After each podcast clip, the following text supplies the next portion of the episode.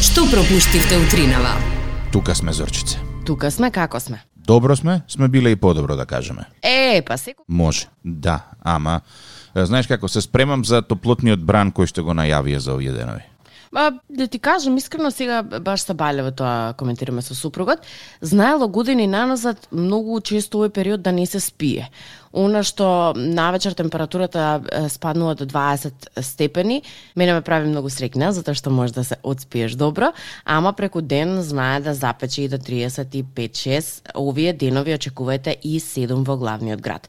Ако нешто сериозно многу ме загрижува, тоа е состојбата околу и во континерите и она што не баш најубаво изгледа како гледка, а бога ми и не баш најубаво мириса. А мислам дека го решија проблемот со континерите и почнаа да ги празнат од вчера. од вчера. Јас она што го видов на терен како слика не ми се допадна. Се надавам дека ќе се реши многу скоро и дека нема да се соочиме со некој посериозен ам, проблем, да речем, како граѓани и како жители овде.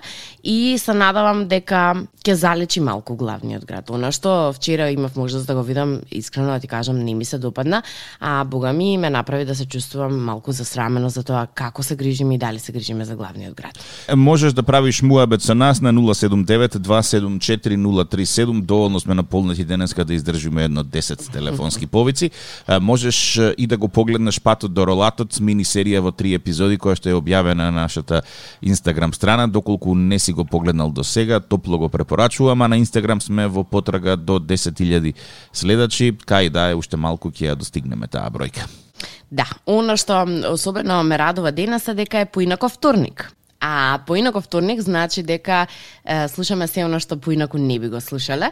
На мое барање овој вторник би сакала да слушнам се оно што е од неанглиско говорно подрачје, но секако ќе паузираме со јухитовите, барем овој викенд, не очајувајте, она што го подготвиме за вас секако звучи подеднакво добро и има намера да ве расположи. Дали ќе успееме во тоа, ќе ни кажете тамо никаде кај 9:30. Вчера се одржа избор за мис на Холандија, Зорке. Уху! И со нетрпение го гледав, го гледав, го гледав, посветив 4 часа е, и на крај дојде до заклучок дека е, победник, односно мис на Холандија е трансродово лице. Е, добра. Е, да, да, е тоа. Победи. Победи машко што сака да биде жена. Аха. И право да ти кажам, на прв поглед ме трикна. Добра. Малку рацете ми беа чудни, ама викам добра, ајде, висока жена, големи раце. Ама е, потоа кога официјално заврши целата серемонија и рекоа дека е трансродово лице, си велам вау. А има можности тие да се при... добро очигледно Па има да, има кој сака може. Ова ми личи како е, на мис Македонија победи Зорка. Не е слабичка како што треба да биде, ама сака да биде. Ама ти можеш да се пријавиш на мис Македонија, тоа никој не ти го спори. Да, да, со овие вишак е, 10 килограми баш можам да се пријавам Знаеш на што? Мис Македонија. На времето Зорке тоа се сметало за предност. Која е? Дебелината? Да. Тоа од сите страни да извира? Да, што Капиталче е што тоа. покрупна жената, тоа Аха. по по по голем незиниот социјален, по висок незиниот социјален статус е, била и Ај. по цената била во општеството. А и сакаш да ми кажеш дека јас да, да живеев во други времиња многу е, права и, и е, така убавини ќе уживам. Па да, само само 70 години назад врати се, ќе видиш дека Така? само м- 70 години. моделите кои што тогаш ги фотографирале е, биле крупнички, далеку од она што да. денеска се смета за стереотип Добро, за ние модел. се, се враќаме на назад, гледаш, она ишли, е, како се презиваше на Г, Грам, Грам, поима немам, таа ти е број еден Грамос. модел, е, не, не, ќе најдам, ќе ти ја покажам, Е, се смета на, за број еден модел е, на плюс сајз. И она не е баш покрупничка од мене, туку машала покрупничка од мене. И знаеш што е многу интересно? Што? Заработува грдни пари. Да. Многу заработува. Значи, беше е, во топ 10 најбогати луѓе. Многу заработува. А пази, она во едно интервју гледав века никако не смеам да излезам од она што ми е препишано како стандард дека треба да го имам, значи не смеам да ослабам. И она вежба, меѓутоа се храни подеднакво многу да речам или калориски многу, за да ја задржи килажата и за да го задржи обликот на нејзиното тело. Вау. Види, Замисли, да, да ме плаќа, пат да се сликам и да јадам. Бо, преубаво. И да бидам една од најбогатите жени, да речеме, во Македонија. Многу убаво. Со ништата многу лесно може да се оствара Зорке. Само реши да поработиш на случајот. Друго Немој сакам се. да ти кажам. Дали пиев кафе. Дали не сметаш дека се ова што ни се случува, да речеме вклучително изборот и, и мисот е, на на која земја Холандија. беше извини? Холандија. Холандија. Не е некако намерно се тоа направено за да предизвика внимание, за да се е, респоделува по Хука, бука. социјални мрежи, Да. да. затоа што е, с- знаеш кој победи во Франција? Немам појма. Ма не, Немам појма не ни само ја. тоа. Знаеш кој победи да речеме во Италија? Немам појма. Немам не појма ни ни ја, знам ама- дека имаше такво нешто. Може и немало, тоа ми е моабета. Значи, никој не знае заради тоа што ништо шокантно се нема случајно. Некој на чело таму на пиар или на, не знам, на маркетинг оделот, му текнало дека може би вака, не само што ќе бидат во центарот на вниманието неколку дена, туку и ова ќе се зборува, презборува, разборува и така натаму. И ова не е само за, мисна, Холандија, ова е за се друго кое што го гледаме и кое што си каме, дали се овие нормални. Ма они се нормални, они нашле начин како, Како да не- маркетиншки Да си го- да бидат во, во, во центарот на вниманието и тоа треба ние да го разбереме. Луѓе завршуваат факултети за оваа на оваа тема. А ние голтаме. А ние голтаме и Уште Оно што дискутираме на најинтересно, таа тема. Дискутираме на таа тема и кога ќе седнеш уште во друштво и со некој со спротивставени размислувања ќе се искараш на таа тема. да, па не ти се случило, замисли пред кооперација оние што- што прават се караат по цели денови, зошто дали едното или другото требало да победи. Чек тоа е направено за маса како нас да зборува за тоа. И ние тоа си го голтнавме утре на ова фатени на јадицата. Нека ние на здравје. Те керо, јо керо, 8 и 11, поинако вторник на Радио 2, Тик-так и Зорка, добро утро. Како е на португалските киро и јокиро? Е, многу си добро стасал до тие прашање. Не часови. сум, да, па не, ја не сум од тие кои што толку бргу изјавуваат љубов, ама сега ме замисли. Мгм. И? Ке се Е, потрудиш Сега го да ни најдеш? консултирам мојот речник. Ајде, твојот речник што вика? Ио те амо. Јао, добро, близко е. Ама Па и толку далеко. Инаку А се која начна беше другата фаза, фраза? I love you? на Текиро Јокеро, јас сакам. А, е, е, и- и- е, е, у, ај. Еу, ау, Е, еу керо. еу, ке. Знам затоа што кога купував душе, годев јо керо прокурао корчао дуро. Ау. Знаеш што е најлошо кога мислиш дека знаеш некој јазик и кога ќе отидеш наострен да правиш муабет на тој јазик и онака бледо ќе те гледаат, ќе те гледаат, ќе те гледаат, ќе те гледаат и ќе ти кажат English? да, поарно инглиш, да се разбереме кој луѓе, да. Е, начавме некои теми и е, добив остра критика во врска со градоначалникот. Не се оженил со куќа, се оженил со алигатор. А, добро, честитки до градоначалникот. моја грешка и е, нормално дека моите е, истражувачки апетити тука не застанаа, морав да видам зошто и како се случило тоа. Е, Виктор Иго Соса, градоначалникот на Сан Педро, за време на м, венчавката неколку пати го бакнал својот алигатор на муцка кој што бил врзан за да избегне несакани краснувања. Се смета дека свадбениот ритуал потекнува од е, предхиспанските домородни заедници како и молитва за благослов на природата. И всушност оваа венчавка негова е барање е, до природата, доволно дожд, доволно храна и риба во реката. И сега минува многу чудно се ми делува. Пази, го врзале животинчево, го малтретираа таму 2,5-3 сати, 5 сати колку е, го облекле во венчаница, му го врзале муцето за да не гризне и бараме од природата. И како барате од природата кога го малтретирате животново? Добро. Ја мислев дека од љубов се зимаат, ама гледаш ни тоа не било вистина. Во кој век живееш, девојче? Добро, ма не, ама не ми е логично, бараме од природата, а ти малтретираш дел од природата. Како и да е. Се верува дека 7 годишниот е, рептил, кој за оваа прилика го нарекуваат малата принцеза, го представува божеството на мајката земја, а незината венчавка со локален водич го символизира соединувањето на луѓето со божеството. Сакаш да ми кажеш дека двајцава се само играчи у целата приказна? М. Да. Звукот на трубите, ритамот на тапаните го надополнија празничното расположение за време на поворката во која некои од целаните во рација носеа невестата алигатор низ селото, додека други мафтаа со капите по неа. И Како се чувствуваш? ако бев малку затупен утринава, сега сум уште позатупен зорки. Да, да, ова е всушност вели многу убава традиција, велат граѓаните. Супер, нека си Има остане и таква. видео на тема. Не, Мислам, мене ми е жал многу за, за животинчо, а и овој градоначалников шо мислеше? Не. Замисли што што треба тука кај нас да се венчаваат за во градовите да има поубав живот да речеме за нас. Жртва е ова е. Нека биде така.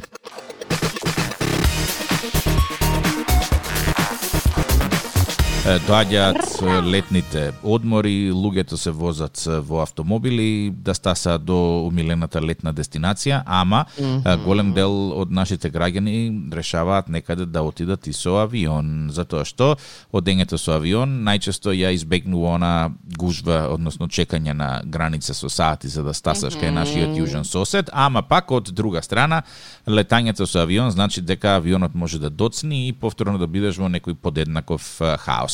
А, Се очекува во следниве 8 недели 33.000 летови дневно да се реализираат, што е за 8% зголемување во однос на предходната година. 33.000 летови дневно, Зорке.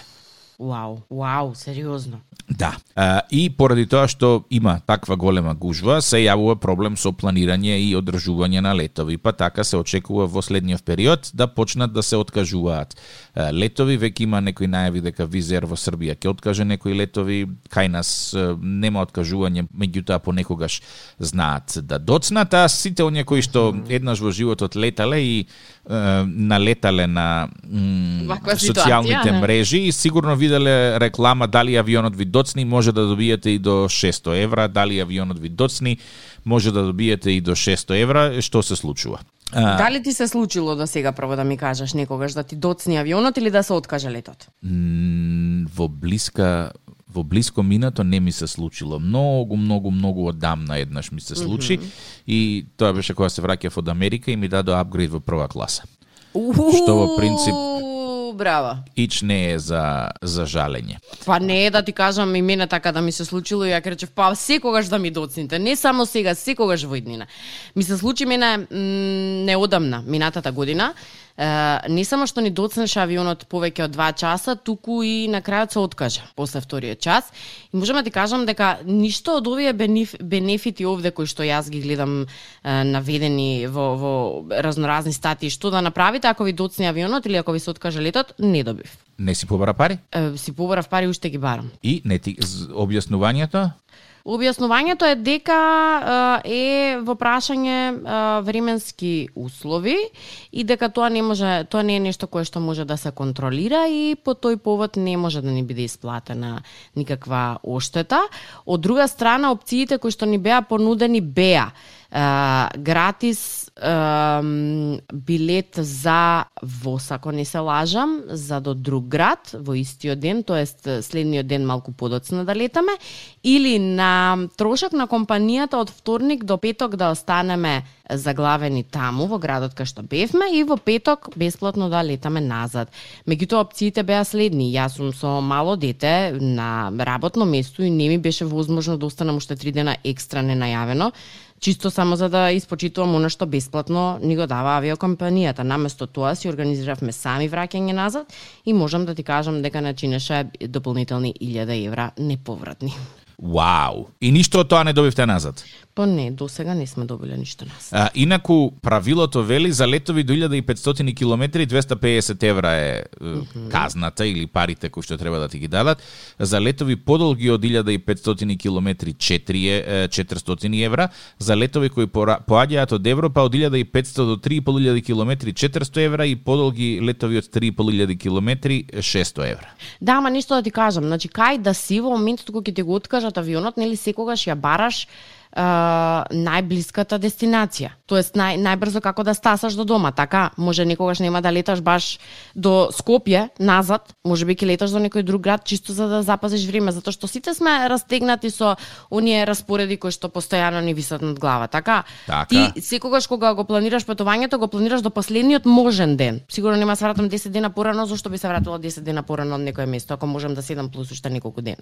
И сега, а, летовите кои што ќе ги земеш во последниот последната секунда, реално, секогаш чинат далеку, далеку повеќе од овие понудени 250 и 400 евра.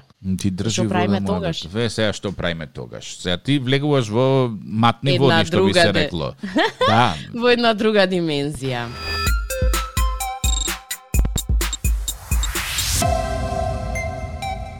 Тик-так и Зорка, добро утро, предходните емисии на слушај.тик-так и Зорка.мк. Нешто сладко ми се поднасмеа во моментов. А, само да до испитам и ќе можам да се произнесам на ова прашање. Јас само чув э, Да. македонски еротски песни и твој шок потоа. А, да, Джумерко, не знам дали го памтиш. го памтам. Джумерко имаше македонски еротски приказни и песни. Се, касета на времето издадена. Имаше. Да, така да тоа не е нешто ново да Имаше знаеш. Во е, категорија македонски народни еротски песни се појавија 70, која што е, морам да ти кажам дека која од која е, вака отворам и затворам и ја ова ќе ти го пратам. Прати ми го. Иако мислам дека не е баш за да го кажеме јавно во етерот, ама може некаде кога скричам да ја оставиме линче. Како сега види, е, она хартија трпи се, ама ние во етер не Ама трпиме се. Не, не, не, не смееме, не, не, не, не. Така што, мислам дека и дечиња не слушаат, така што... бе, Поезија. Да, може и вие да си бидете... бе, Раат. Не, за рад може да си бидете рад, ама ако сте любопитни, може да си ја задоволите вашиот а, любопитна а, страна со тоа што ќе изгуглате. Нешто сосема друго барав. Барав македонски. Ау! Ау! Нели, нели? Ја дури мислам дека и многу прикладно изреагирав за содржината. која- Ау! Кој е што Ова ми таму? текнува на нешто баба ми што ми пееше. Баба ти ти пееше вакви песни. Ау! Значи јас у суштина почнав да барам македонски народни песни. И Ова излезе прво и викам што е ова? Мислев дека е некоја з- завиена форма. И право да ти кажам, ова не излезе во насоката во која што јас се надевав дека ќе излезе, така што да. Види, налетав на една песна, битно ми е што знам дека грумингот во Македонија кај мажите бил присутен уште од време на Крали Марко. Те молам не, не почнува, има деца. Ало, Чи не повели, сакам да знам. повели. Ај, uživanje да од Сабалето кога слушам. Некоја е Сабале и без разлика што денес латино музика, јас уживам да ја слушам. А да ја кажам на Зорка дека ми палеше кога беше отсутна, макар што девојчето се трудеше колку, сака, колку што може, али двајцата сте неверојатен пар за у- уразобубавување на денот од Сабале. Фала ти Многу. многу. Убав ден да имате и само да уживаме во вашата емисија. Ке биде, не се секирај. Добро утро. Добро утро.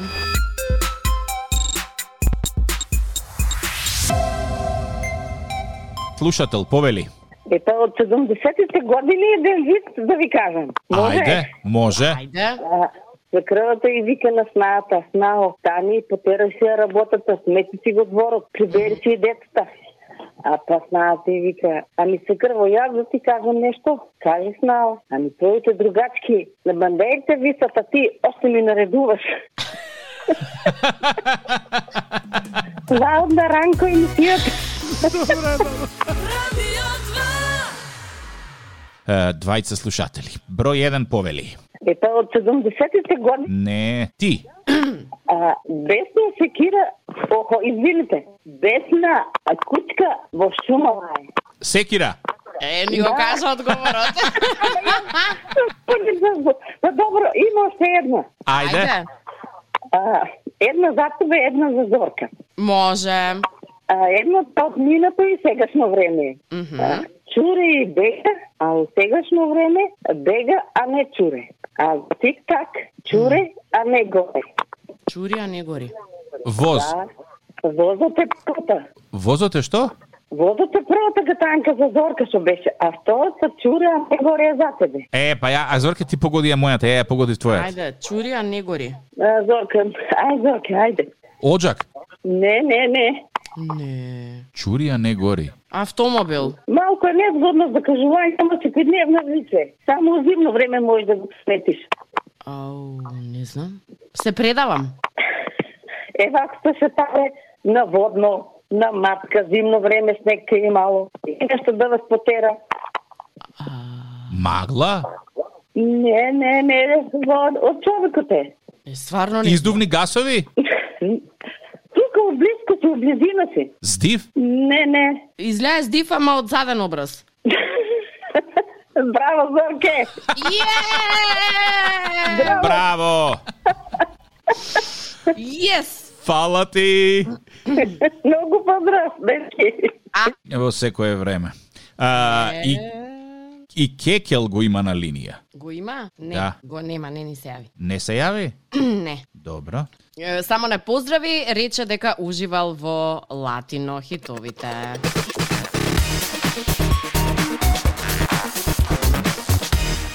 Е, Зорка, е, знаеш, може би несвесно, меѓутоа кај тебе е очигледен мајчинскиот инстинкт. А тоа е? Пред секое тргнување, која ќе тргне джинглот, ти викаш паси, паси, паси. Пази, Можна. се чувствувам како детенце на кое што му викаш, Син пази, го сега мој ќе ја поминеме улицата, пази, ќе ја поминеме улицата.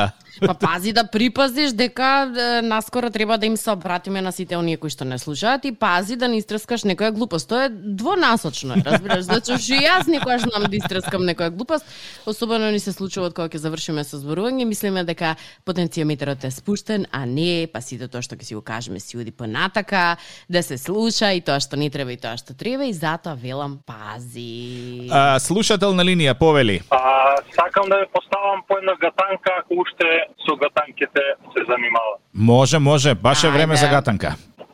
Па за тоа гледам дека е време, па би сакал да ви поставам по една гатанка. Слушаме, ајде. А првата за Зорка, Мгм. а, сите плачат за него, а никој не ќе диде со него. Мртовец. Точно. Е, ја ја знаев оваја. Хајде да видиме сега мојата. Втората за тик-так е, а сите плачат за неа и сите бегаат од неа. Жена Не. плачат за неа и бегаат од неа. Сите плачат за неа и сите бегаат од неа. Кромит. Не. Машки род. Машки род. У. Не, не, не, треба женски род. Не, А, женски род. немам појма, се предавам. Плата. Не. Не знам. Македонија.